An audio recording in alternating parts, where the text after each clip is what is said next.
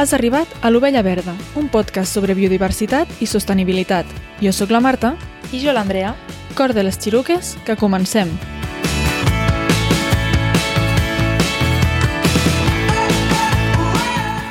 Els insectes són els engranatges que fan que el món giri. Avui en dia, per cada ésser humà que habita el planeta Terra, s'estima que hi ha més de 200 milions d'insectes, o sigui, en total, més que tots els grans de sorra de totes les platges del món. Ja sigui per nombre d'individus o d'espècies, tenim raons per afirmar que els insectes són el grup animal més exitós del planeta, no només perquè el conforma una quantitat inconcebible d'individus, sinó perquè representa més de la meitat de les espècies multicel·lulars conegudes a l'actualitat. Això significa que si tinguéssim un calendari que mostrés les imatges d'una espècie diferent d'insecte cada mes, passarien més de 80.000 anys abans d'esgotar totes les espècies. La Marta acaba de llegir un fragment del llibre Terra Insecte, escrit per la doctora en biologia Anne Sverdrup Tigerson. He buscat, he buscat la, com es pronunciava. Bueno, crec que ho has dit prou bé, no? Prou bé, prou bé. Eh, no crec que l'escolti mai, aquest, aquest episodi. És professora a la Universitat de Noruega. I és un llibre que jo m'he llegit aquest any i m'ha fascinat i, de fet, inspira aquest episodi. Sí, ja m'has passat més d'una foto d'aquest llibre. Sí, dades i curiositats sí. que anava veient, no? De fet, m'he apuntat... Eh, alguna... Tinc notes al mòbil i així sempre ho puc anar consultant. Eh, M'he apuntat com la pàgina on està escrit algun concepte i, de fet, m'agradaria... Per exemple, a veure... Eh, a veure, m'he apuntat eh, coses com... Clar, hi ha coses de Costa Rica, això no, no és per l'episodi, perquè com volem que sigui tot més local, però hi havia com una simbiosi entre un insecte que vivia només, o sigui, és endèmic no de Costa Rica, sinó que és endèmic del pèl de, com es diu, el perezoso? En... Uh, Los perezosos? El... No, espera, no ho sé. vale, perdoneu. espera, em surt golut, però el golut és un altre. Bueno, el perezoso uh, de Costa el Rica.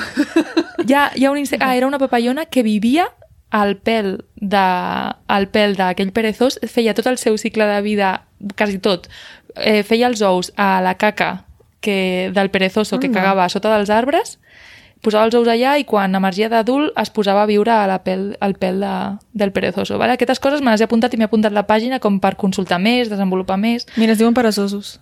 Es diuen així? Sí. Ah, per, fantàstic. Perfecte. Fantàstic, podem continuar. I, bueno, m'agradaria llegir una cosa més eh, sobre, o sigui, abans de començar, com per ubicar eh, els insectes, no? en una escala temporal, que diu, Vale. diu el llibre. Diu. Diu, els insectes han sobreviscut a cinc rondes d'extinció massiva d'espècies.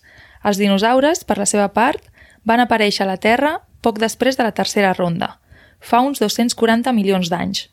La propera vegada que un insecte et sembli molest, pensa que aquestes criatures han ocupat el globus terraqui des de molt abans que els dinosaures.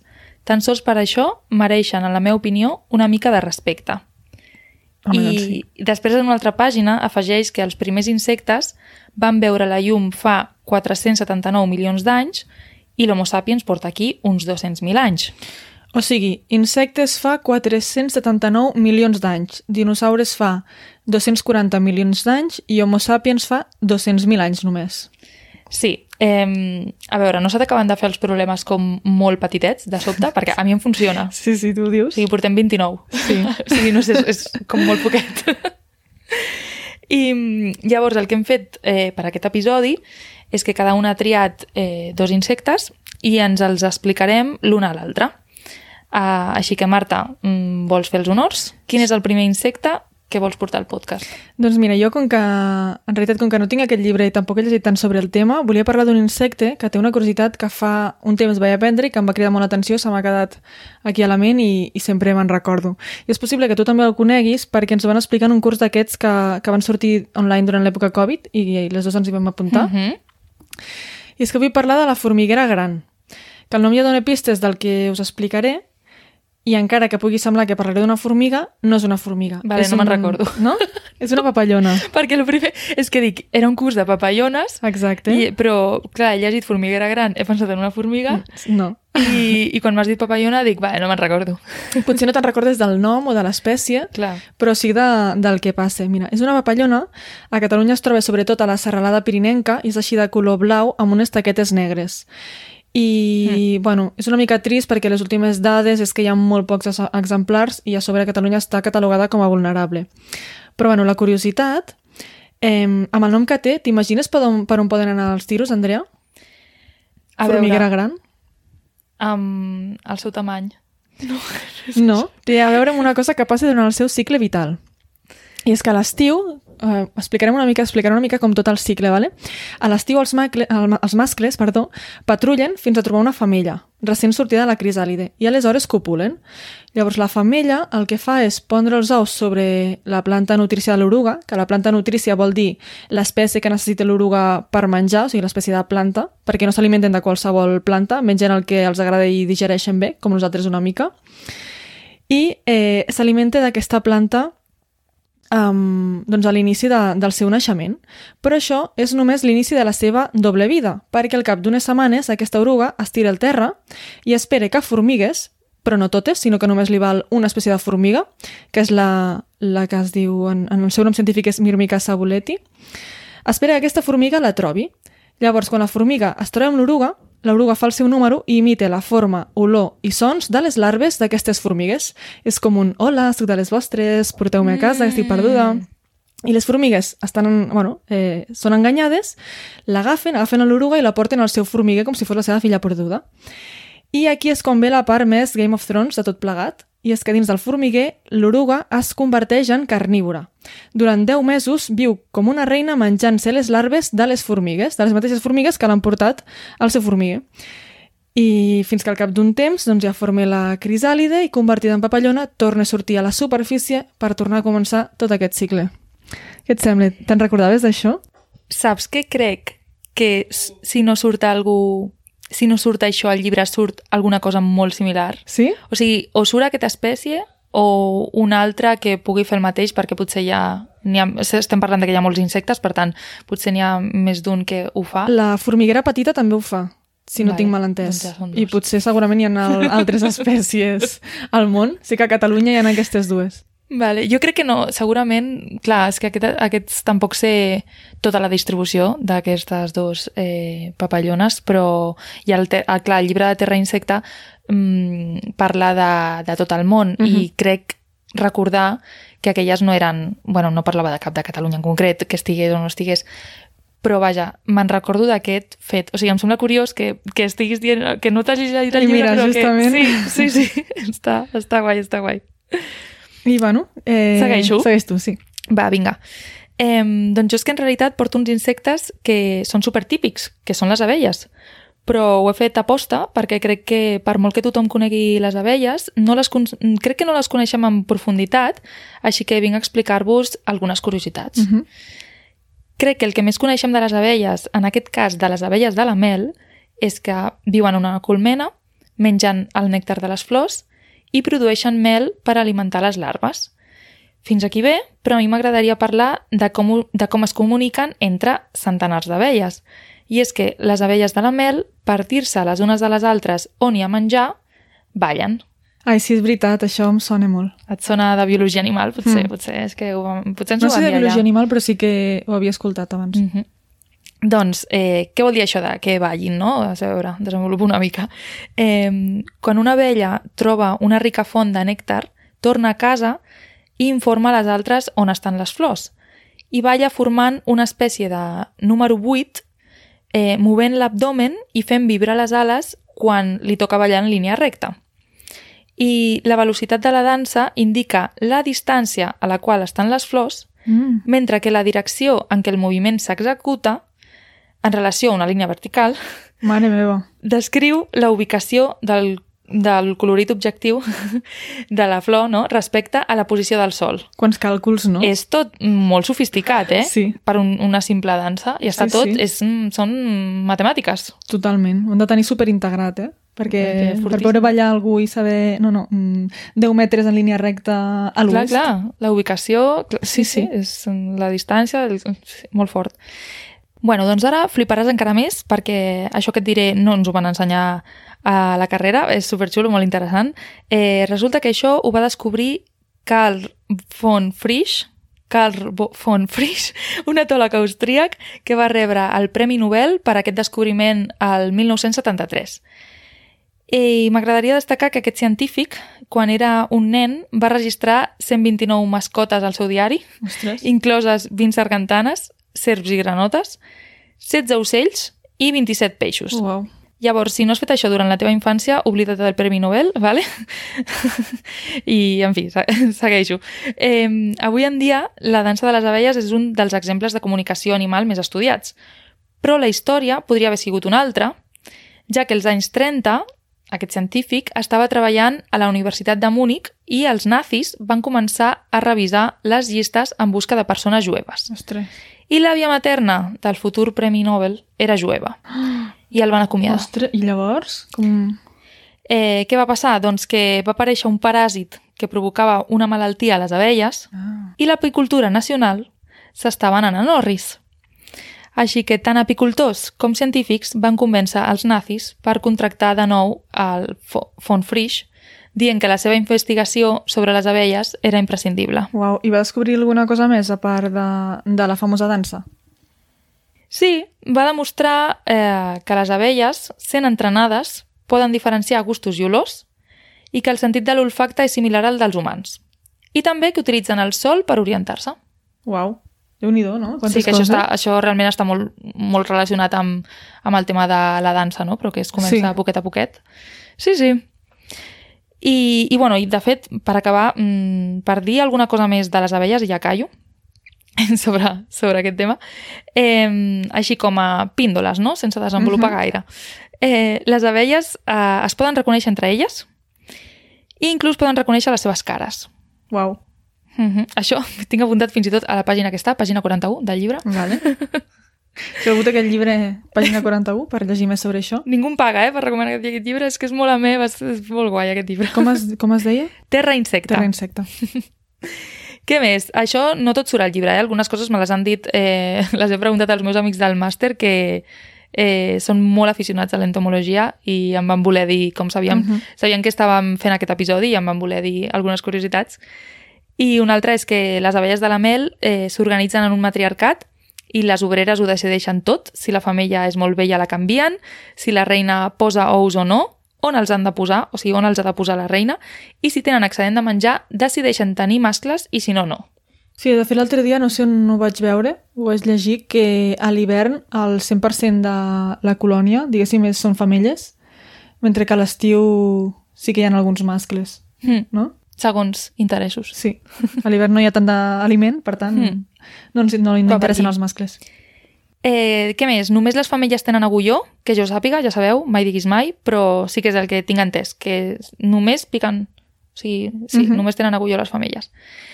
Què més? Hi ha algunes abelles solitàries del gènere Eucera, que els mascles tenen unes antenes molt llargues i les femelles molt curtetes. Les llargues són contràctils i serveixen per estimular a la femella a l'hora de la reproducció, com per donar-li un massatge, jugar i entretenir-la. Està bé. i que algunes espècies d'abelles del gènere Rodanthi Rodantidium crien en cargols buits i posen el seu niu allà i el tapen. Ala, Mm -hmm. que curiós. Sí, sí, ja tenim aquí una mica de tot. Sí. Coses. Doncs, amb això que m'has explicat de, bueno, de com s'organitzen les abelles i les colònies i tot, té una mica a veure amb el següent insecte que jo porto, que alhora també té a veure amb el primer insecte del que he parlat, perquè abans he parlat de la formiguera gran i ara sí que parlaré de formigues, no d'una espècie en concret, sinó de moltes espècies que tenen un comportament molt curiós. Perquè tu sabies que hi ha formigues que són grangeres, que tenen granges?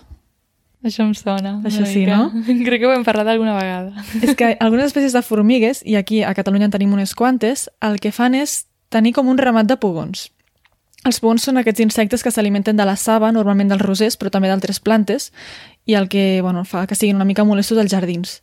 Llavors, les formigues el que fan és tenir aquests ramats de pugons, els tenen allà controladets a les tiges i a les fulles perquè els pugons precisament excreten una substància ensucrada que les torna boges. Llavors, les formigues són capaces de munyir d'alguna manera el pugó perquè excreti aquesta substància. Li donen així com un toc d'antena i el pugó entén que ha d'excretar eh, doncs, bueno, aquest, aquest exudat no? sucrós. Però què guanya el pugó aquí? Doncs que les formigues els tornen al favor defensant-los. Segur que alguna vegada has escoltat que les marietes mengen moltíssims pugons, no? Mm. Doncs les formigues són unes excel·lents guardaespatlles pels pugons quan hi ha marietes. Eh, eh, aquí les formigues mm, mm, s'asseguren que ningú s'alimenti del seu ramat. De fet, a la pel·lícula Bichos, que això potser ja ho hem parlat alguna vegada, Sí, ho, ho van publicar Sí. un episodi. És que tenim ja fa, un episodi d'això Ja fa temps. on, on elaborem també una mica aquest tema. Eh, com es titula? La peli. No, l'episodi. Ah, l'episodi. Eh, ja, l'episodi, sí, sí. Espera, eh? eh? Crec que mites i errors a Disney, de Disney i Pixar. Vale, doncs allí, no sé quin número és, però... també parlem sí, sí. d'aquest tema. Eh, doncs això, um, s'asseguren que ningú s'alimenti del seu ramat. I, i, bueno, i a la pel·lícula Bichos, la reina de la colònia, que és una formiga, porta sempre a sobre una mascoteta verda, que és un pugó. Això és bastant comú i és una cosa que tothom pot veure amb, amb força facilitat. Així que convido la gent també a mirar les seves plantes on hi solen haver pugons, que potser es troben una sorpresa. És guai, és que crec que és... Jo això És ho he només- vist, eh? Sí? Sí. Sí, sí. Ai, no sabia que ho havies vist. Sí. Bueno, clar, jo, jo he vist... Mm, no, calla, sí, jo, és veritat, fa anys ho vaig veure. Clar, no ho veus en, com en un documental, però és molt guai. Però és xulo, perquè veus allà les, les formigues, sí, i jo inclús he vist eh, com els tres, pugons, Marieta i formiga.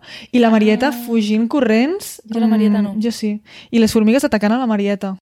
Hola. Acció animal És a que- tope. És que observar els insectes, si t'agrada, que et pot, es pot treballar això de que t'agradi observar insectes, mm. vull dir, es pot desenvolupar i treballar i, i com fer que t'agradi, eh, com posar-s'hi, no? És que és molt guai perquè tens èxit assegurat d'acció animal asseguradíssim. i, no sé, pots estar allà I si t'hi fixes estona. una mica, a qualsevol lloc trobaràs Sí, insectes. sí, pots estar en un metre quadrat sí. sense, durant una hora intentant identificar i observant i, i no sé, és molt guai. sí. Llavors, següent. um, jo us he volgut portar les eh, damiseles o cavallets del diable. Uh -huh. No sé com les coneixes tu. Sempre he dit cavallets del diable. Jo també. Eh, els cavallets del diable s'assemblen a les libèl·lules, però no són el mateix. Uh -huh. Eh, tant els uns com les altres pertanyen al mateix ordre, eh, el dels odonats, però a partir d'aquí es divideixen en dos subordres diferents. Vale. I, I quines són les diferències principals? Doncs a veure, a simple vista, mm, a simple vista es pot diferenciar, eh? però sí, si t'hi fixes trobem, podem trobar els detalls. No? Les libèl·lules tenen uns ulls molt grans que ocupen tot el cap, mentre que els cavallets del diable els tenen més petitets i el, com al costat de, del cap, una cada Vale. costat. I les ales, les ales diuen molt, i el cos, és que jo crec que quan, que a vegades les veus i saps que, eh, jo al principi, quan no sabia, no havia llegit les diferències, dic, és que jo sé que són diferents, no acabo de saber els detalls, anem, anem a buscar-los, però ho veus. Les ales, eh, les libèl·lules les tenen obertes i en posició horitzontal, quan no estan volant, Uh -huh. i els cavallets del diable les pleguen en posició vertical quan estan descansant també, no? Mhm. O sigui, aquí hi ha una diferència. I tots en tenen quatre o no? Sí. Vale. I en general les libèl·lules les tenen més robustes, també més grans i potents, i de fet poden volar força amunt i caçar preses en vol. O sigui, això està tot molt relacionat. Mentre que els cavallets del diable sempre volen a prop de l'aigua i cacen preses que estan posades en algun lloc, Mhm. mai preses que estiguin volant. I en definitiva, doncs jo veig els cavallets del diable com més estilitzats, més cilíndrics i elegants, i les libèl·lules les veig com més totxes. Sí, més, més grans, no pot ser? Sí. I, Sí, ho són. I què ens vols explicar dels cavallets del diable? Això. Doncs eh, volia comentar la seva reproducció, que és com la part mm, més interessant. Sí. Les femelles posen els ous a l'aigua i allà és on es, eh, es, es desenvolupa la seva primera fase vital. I són molt exigents amb el lloc on fer la posta. I com els mascles ho saben, reconeixen aquests llocs eh, nets, sense contaminació, que corri l'aigua, que hi hagi espai, amb seguretat, eh, i les esperen allà per, per aparellar-se. I després de la còpula, els mascles defensen les femelles mentre elles dipositen els seus ous. I tot això passa sense cap mena de problema sempre i quan hi hagi un número moderat de cavallets del, de cavallets del diable. El problema ve quan n'hi ha molts. Uh -huh. Per les femelles no és necessari copular més d'una vegada, ja que poden emmagatzemar esperma i anar fent. Vale. Diu, sí, i en canvi els mascles intenten copular amb totes les famílies que poden perquè contra més aconsegueixin fecundar, més número de descendència podran deixar, Clar. que és lo- l'objectiu a la vida, a, les, a la vida en general. I les atabalen, les atabalen tant que poden, que poden impedir que facin la posta d'ous. O sigui, la, és un assetjament. Parlen així, eh? A Mhm. nivell de divulgació, tot Sí. el que llegeixo parlant, parlant d'assetjament. Eh, llavors, en un gènere concret de cavallets del diable que es diu Caloptèrix, s'ha vist que quan les femelles es veuen molt atabalades, molt assetjades, eh, accepten els acoplaments dels mascles en comptes d'intentar evitar-los. Ah. Perquè com la còpula és tan breu, és millor deixar-se fer que, Hola. que, que resistir-se i a més així aconseguiran que el mascle les defensi de l'assetjament d'altres mascles. Hosti, que fort. És com que els hi surt a compte, no? Sí, Manera. és, eh, sí, és com... Eh, Sí, sí. eh, no mola. No mola. Eh, però espera que en- encara hi ha més coses sobre, sobre els cabells del diable i la seva reproducció. Com hi ha molta competència entre, entre els mascles, i estem parlant de competència de l'esperma dintre de la pròpia femella, els mascles retiren part de l'esperma dels mascles anteriors. I ho fan perquè el seu penis es transforma en una espècie de garfi. Ah, Per treure, clar, com... Ells, a part de copular amb moltes femelles, es volen assegurar de que amb que totes les femelles... seu... és- Són ells qui, qui s'asseguraran Sí. la descendència. Sí, i com hi ha tanta competència, doncs per si de cas, tal... Eh, sí, és, hi ha fotos, es poden buscar com el penis es transforma com en una espècie de garfi i pum, fora. Eh, però, clar, les femelles també tenen les seves estratègies i si es deixen copular en comptes de fugir, eh, és perquè són capaces d'expulsar l'esperma del mascle a posteriori Mhm. si no el consideren prou apte per tenir descendència. Uau. O sigui, no és només... Aquí tothom Ja. té les seves cosetes. I, I, a més, una cosa més a favor de les femelles és que algunes es fan passar per la parella d'algun mascle, perquè més, com són territorials, Uh -huh. eh, doncs veuen allà un mascle defensant el territori, doncs s'acosten i així eviten la còpula, o sigui, com es fan passar per la seva parella, mm, eviten la còpula per obtenir la seva protecció i els mascles no les distingeixen. Que llestes, no? Sí, és com que, no, si tu ja, si tu i jo ja, ja hem copulat, no, no cal més, i així me, em protegeixes i, i prou. Hosti, doncs mira, aquesta, això, aquesta curiositat sí que no la sabia, Andrea. Que, que és, És guai, eh? És guai. Està, està guai. I és guai sempre mirar-ho amb ulls de... Bueno, no, no mirar-ho amb els nostres ulls Clar. humans. Al final no? són insectes, vull Sí, dir. inse- són insectes, són animals diferents i prou. I els insectes molen? Una mica més de respecte i ho tanquem amb una última curiositat. Són els primers animals que van conquerir l'aire. Ens escoltem. Adeu!